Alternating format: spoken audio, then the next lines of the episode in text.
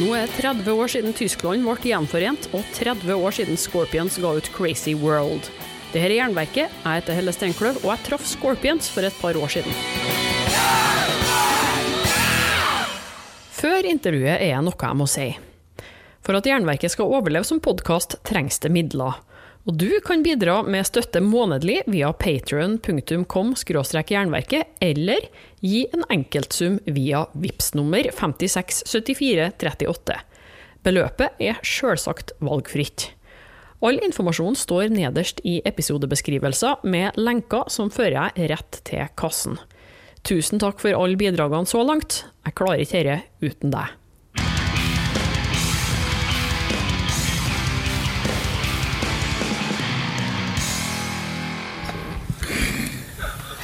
Yeah, okay, so then, then Not we'll just skip, to skip, skip the fan question and uh, Yeah. go uh, right on uh, the case or whatever we say in Norwegian and Swedish. I'm here with Scorpions. Hello. Hello. Hello, hello. Mickey and Matthias. Yes. And you've M&M. been uh, The two M's. M- M&M's. Yeah. M&M's. What, uh, what M&M is your favorite? The actually the brown one or yellow one. I think I go for the blue one. That's a new question. The yellow and blue. Well, see, make Yeah. Swedish. Yes, yellow and blue. Yes, I understand you've been doing a lot of press the last few days. Um, yeah, of course. We have a new album coming out. Um, it's a ballad album, it's a compilation, but at least it has three brand new songs and a couple of versions the fans haven't heard so far. It should come out uh, day after tomorrow, and it's called Born to Touch Your Feelings. And it is a ballad album. It's uh, perfectly timed for Christmas, of course. It's one of those record company ideas which we enhanced and said, okay, we need to record new stuff. Otherwise, we are selling the same to the fans. But then again, that's not true because we have remastered versions, we have re recorded versions, and it's all together. It's a pretty valuable package. And so we did some of the interviews for that reason, others for shows that are coming up. Uh, not so much in Oslo, but uh, shows doing great tonight. And uh, but for like countries we haven't played in at the end of this tour, it's Serbia and Slovenia. It's I think country number 84 and 85 on our list. We're in the middle of the tour, so there's always a lot of press going on, and you know, uh, we got a lot of requests while we were in Russia. We almost did three weeks of Russia now, and uh, personally, I moved all this stuff forward, and then it, it gets to uh, to an explosion, which uh, happened when we were had a few days off, and uh, here we are now. Yeah. Yeah. Well, we could start, no, not exactly at the beginning, because you uh, came into the band in 78. Right. And, but that's when it started. Uh, yeah, as you say, because As then you came. one knows. Uh, but, but then they Scorpions had already been doing that for uh, or playing music for about 13 years. Uh, can you remember the first time you heard about Scorpions and that this is a band I yes, be? I would say I heard about them maybe first somewhere around like 74, 75. They played uh, the City Fest in um, our hometown Hanover, and uh, they played like at the, the river, and uh, they were not bad. There was still the days with Michael, and when uh, Uli John Roth uh, joined, uh, I knew about it. I listened to them because Uli is a good friend of mine, and his younger brother and myself. We went to school together. We come from the same area, outside of Hanover, and we played guitar together before we even knew the Scorpions existed, and so there you But have also, it. Scorp- Scorpions was the first real German rock band. So I'm sure a lot of, of uh, I mean, Germany in general uh, heard about. I mean, there was not a lot of rock bands coming out of Germany. There was this before weird then. stuff called krautrock. That was like an American expression for German rock. There was a bit of the, the like experimental music, like freaky style, in the uh, late '60s, early '70s, and the Scorpions always tried to not be part of this. They try to be like you know more like British American influenced, and uh, that's why they had to go out of Germany to uh, make their luck. So they went to Holland, Belgium first, and later on to England and France uh, because in Germany, an English singing German band at the time was not that popular. So they had to go Which you abroad could to come probably back. understand. it's, it's still not And popular. versa. Oh yes, it is. Now, now you don't think about Meanwhile, it's only German singing people there. But uh, it's it's uh, like what Matthias says. It, we have the same thing both Norway and Sweden. You know, at uh, once a band uh, steps out of the the actual na- nationwide uh, type of music, like uh, Scorpions have played more melodic, as I said, more if you will, uh, traditional rock than maybe. Same in Sweden. We had the same same same problems. Uh, most bands sounded the same at, at that time of uh, and place, and uh, you know, as soon as you stepped out of that, you had to really leave the country, you know, to be to be able to play because you were not really accepted in the beginning, you know. It takes some time. But how did you end up in Scorpions? You're Yeah. the new guy now. This I am time. the super new. I'm I'm so new. I'm like a little so fucking shiny. pink baby. no, it's been a year and a half now. Actually, Matthias. Uh, I um, had the idea that we should give Mickey a call because uh, James, the previous drummer, he had health problems, and first the idea was to find somebody who could help us in case anything goes wrong. But uh, and secretly, it was like more the James Bond story. that Mickey was like you know following us on tour, being like driven by his own driver Undercover. car, undercover, sometimes in a different hotel, so the James didn't notice. But uh, you know, we have a high flying drum riser, and you can't have somebody up in uh, seven meters height if he's not sober and uh, therefore sometimes we couldn't use our show effects and uh, among other things and um, i'm glad we found mickey we rehearsed in the afternoon we played the show in the evening and then uh, that's how he learned the set um, Scorpion said it's quite different from Motorhead. I mean, for yeah. you it was brand new, It was- and it takes a few days, even though he's very fast. It, it was it was very hard actually because uh, I got the call on a Thursday, mm-hmm. and the first show was on Saturday. But I, as Matthias said, I was I was asked to to be on standby. He didn't have to play that, I didn't have to play. but he watched the show. I was. I, I had to come down to Luxembourg and and start be following them and be in standby and try to learn this as quick as I could in case James couldn't play. Uh, because I guess the, the patients were, they were running out of patience with with the problems with, with uh, poor James, you know, and he had to uh, seek help. Uh, uh, but I was I was hoping every day that he actually could play, because he gave me an extra day to, to actually. Because I was sitting during the day studying the DVDs, and and in the evening I saw the show. I had my in ears. I was sitting in disguise, close as I could to the stage, just so so that it was reaching to learn the set as good as I could, you know. And then uh, we jammed uh, three or four times in, in a in a dressing room, just a little drum kit, yeah, just yeah. tapping away the songs. And uh, but we felt it right away. I mean, I came from Motorhead, you know, just buried Lemmy in in Los Angeles, and uh, the timing was, you know, if if it's going to be right at all, that was the right timing uh, for me as well because I was uh, kind of down, you know, from after 25 years with with the Motorhead boys, you know, and uh, and they also ran into a bit of problems. So together we we clicked right It's a away. very long time. Yeah. 25 years, quarter of a century. I mean, this is something you don't overcome in in in in a year. I mean, No, he it- is still like. It's been know, taken. Yeah. Now we can feel that we're locking in good, and we see. I like to be like a good goalie back there, you know, in football or hockey, whatever. They uh, they have to trust me back there, and then they they play better. They they could do their deal instead of always being worried about the backbone. like this is how Matthias plays, and, and Rudolf like that.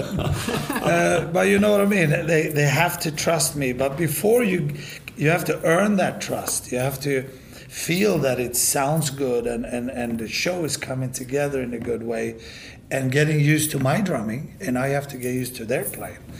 But uh, after a year and a half now, it feels really, really good. It you feels know? good for like more than a Yeah, year yeah, now. yeah. I mean, you know, we locked in pretty quickly, and now we are we are un, in an unstoppable, Unstoppable. train.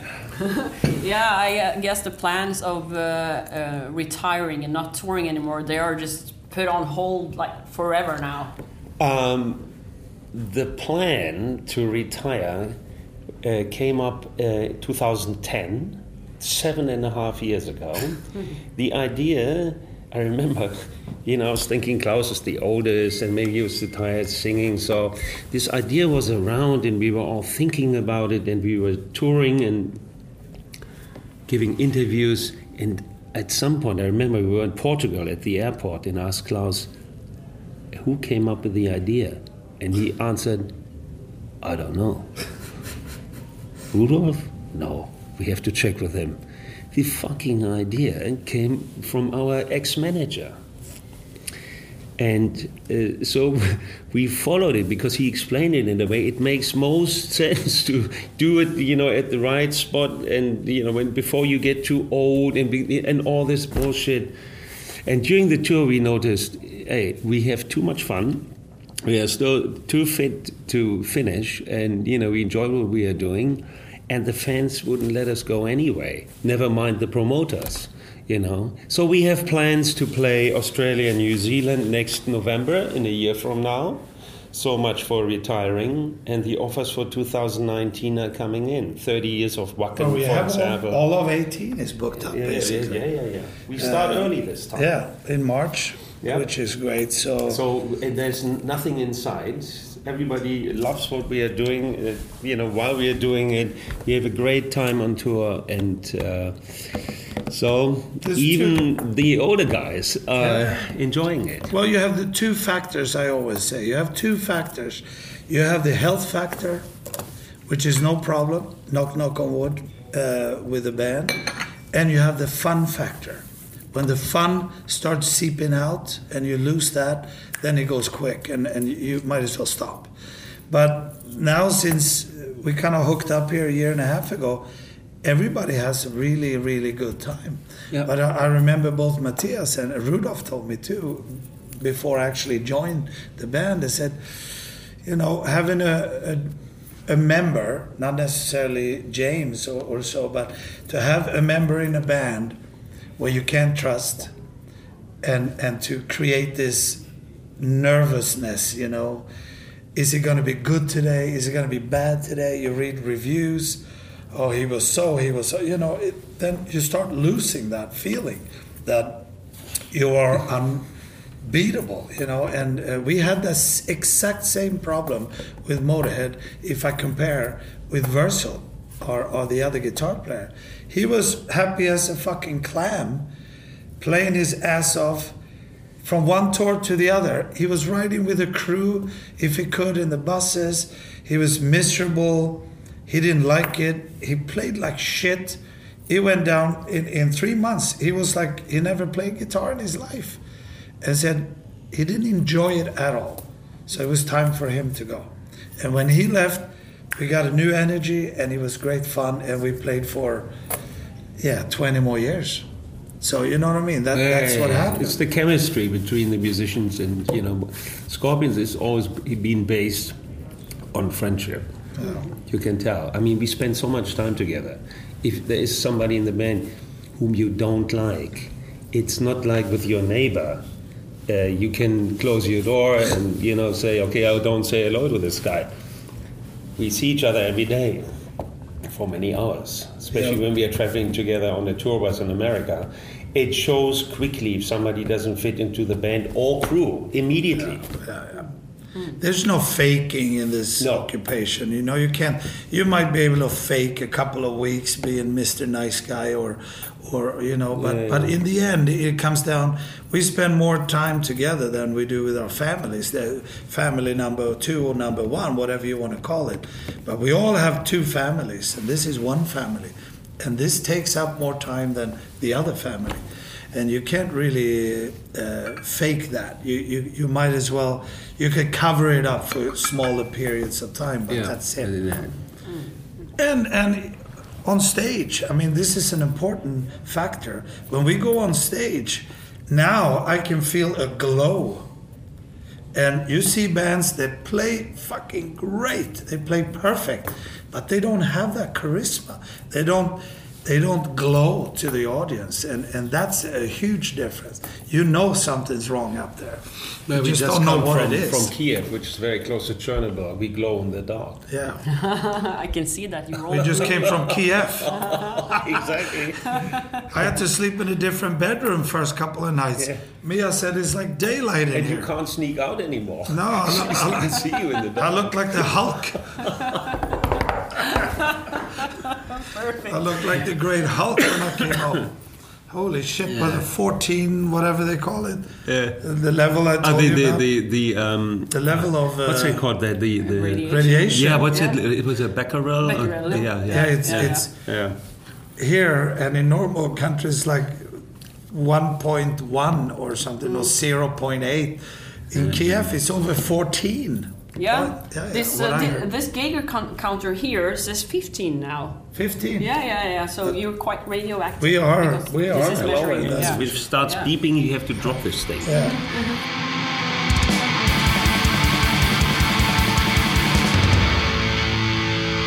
Uh, but throughout the years, you put out a whole lot of albums. Which one is your least favorite? from the Scorpions catalog. Um, the least favorite is obviously uh, the one we recorded at the end of the 90s, Eye to Eye. It's never been a fan's favorite, never been my favorite. Is when, you know, the second half of the 90s, when grunge and alternative made it really difficult to all the classic rock bands because it seemed like you know like journalists are you can imagine or people from the record companies or radio stations they always go for the latest trend and then it all of a sudden it it was like rock is dead you know it's all old fashioned this is past you, you played like a great guitar riff oh Another solo. so, oh, guitar solo. Oh, you know, forget that. It's all new now. You know, we all play like the fucking grunge people Who never played one proper guitar solo in their entire lives. And um, then, uh, so, you know, as a sensitive musician, even though we know what we are doing, you are influenced by that shit if you keep hearing it. So we were in the studio with the wrong producer, and what came out was this album. Then we went on tour. We even cut our hair. So you know, looking back, I go like, "Oh man, what went wrong?"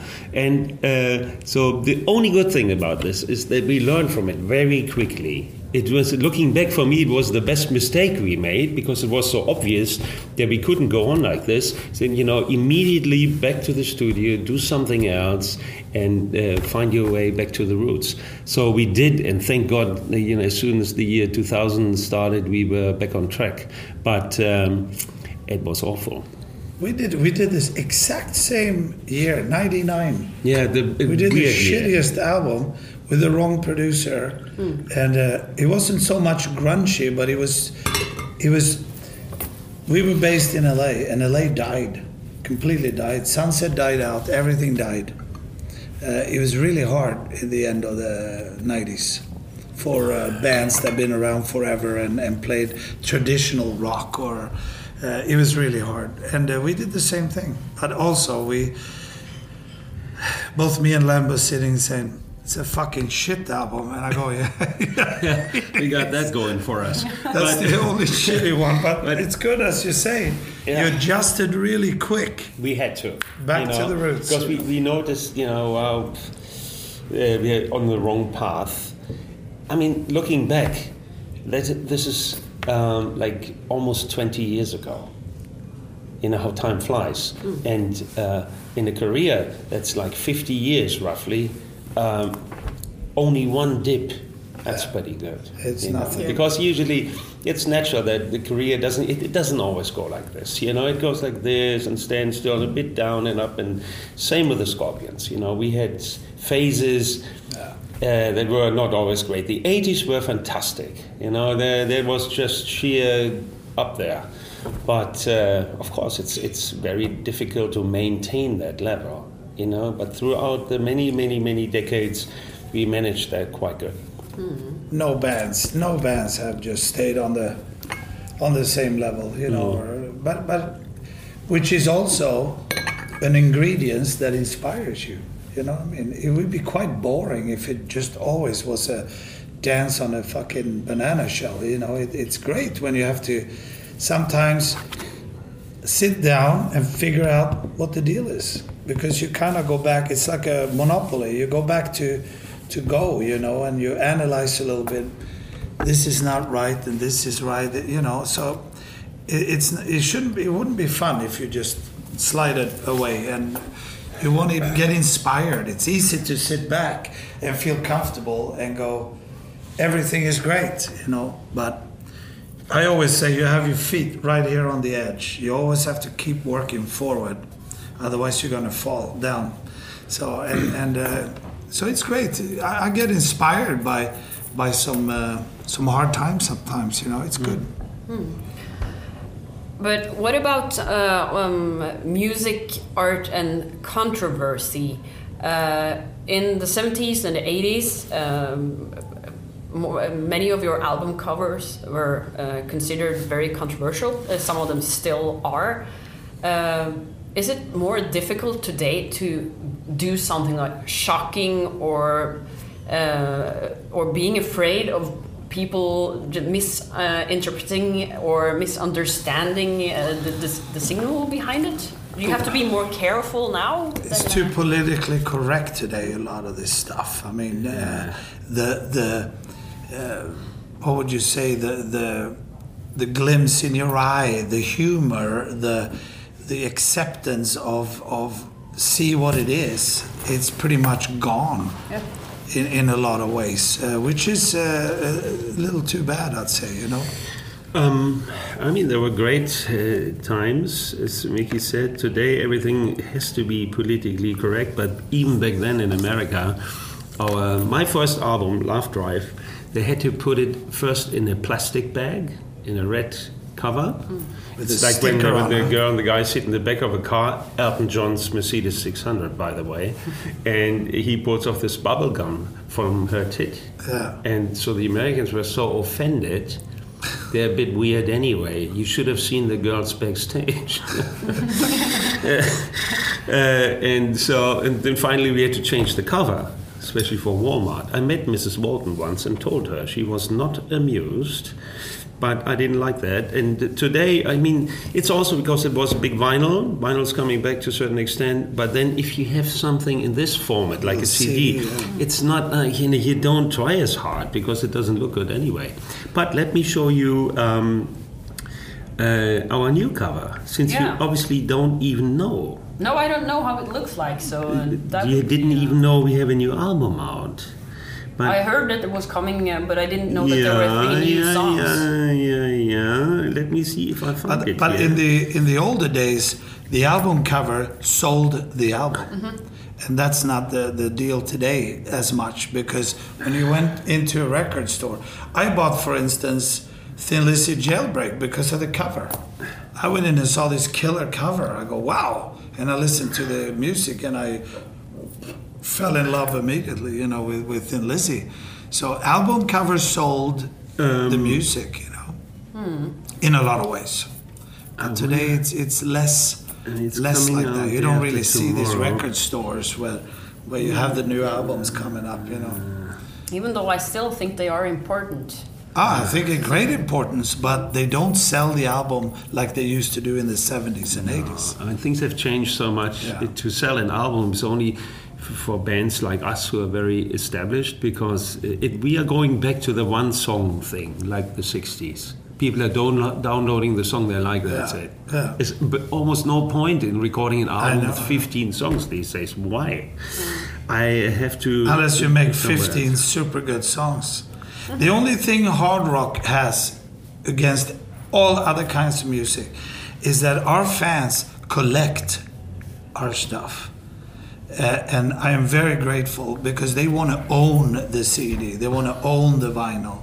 They buy the vinyl first. They buy the CD, then the s- vinyl comes. They buy that. Then there's a Japanese edition. They buy that. Then they get the U.S. edition. They want to buy that. Uh, with Motorhead, they could buy five, six, seven albums of the same album because they collect. They want to have that piece of jewelry in their hand. You know. So this is why you're making compilations and one and two new songs, just to make us buy even more.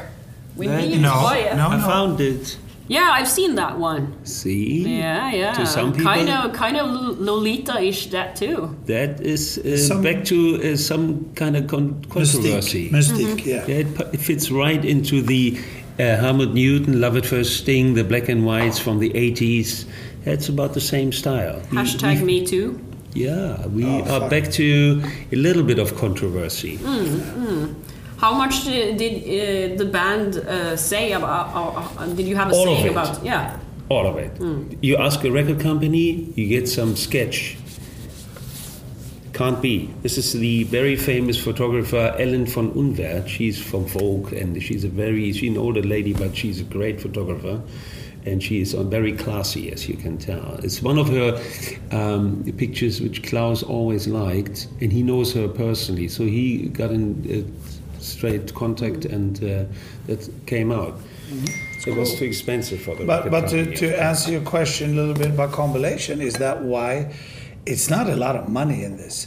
But what it does do, it keeps you updated a little bit. It's a reason. See, you sitting here, we're talking about this. You do a lot of more press about it. You have a more a a recent product out that, that because you can't you can't keep writing albums maybe every every year or every other year. I mean, Not when you're on the road for no, one year. because they want that. But then you go, okay, uh, we'll do make a new record, but that means we're going to be off road for a year, maybe. Oh no, are you kidding? Uh, you coming next year, right? So it's impossible. But a thing like this, we do it with Motorhead as well, and I have to compare all the time because it's kind of the same deal. That, that we release something to be up to date a little bit.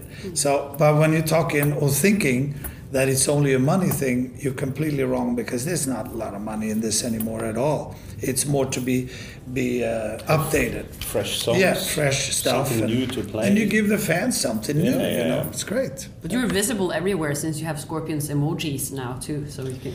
But they don't work on WhatsApp. Oh no! That's what we use most of the time. I don't. Use I don't WhatsApp, send so- emails with emojis, you know what I mean? No, no. You don't do that. Uh, so we have to work on that. Du har hørt et intervju med Scorpions spilt inn i 2017. Likte du det, kan du f.eks. høre episodene med Flight og Horisont. I november skal Woodcut Records gjenutgi tre Beheksen-utgivelser, og i den anledning tenkte jeg kunne være trivelig å få et gjenhør med en Bjørn, gitarist i Beheksen. Når vi står og spiller, så blir vi jo ett med de energiene vi jobber med. Vi går ikke ned på kne og tilber noe som er høyere oss, vi blir jo ett med de energiene og de gudene som blir tilbedt. Abonner på Jernverket podkast via podkastapp, eller gå inn på jernverket.kom for å få med deg hver eneste episode. Spre ordet og legg igjen en femstjerner. Hør på podden, og hvis du vil bidra med litt kronasj i tillegg for at jeg skal kunne fortsette, så kan du gi støtte månedlig via Patrion, eller et enkeltbeløp via VIPS. Informasjonen ligger i episodebeskrivelser. Og husk på å følge med i Jernverket på Instagram og Facebook for konkurranser, bl.a. månedens album fra Katakomben, diskusjoner og musikalske tips.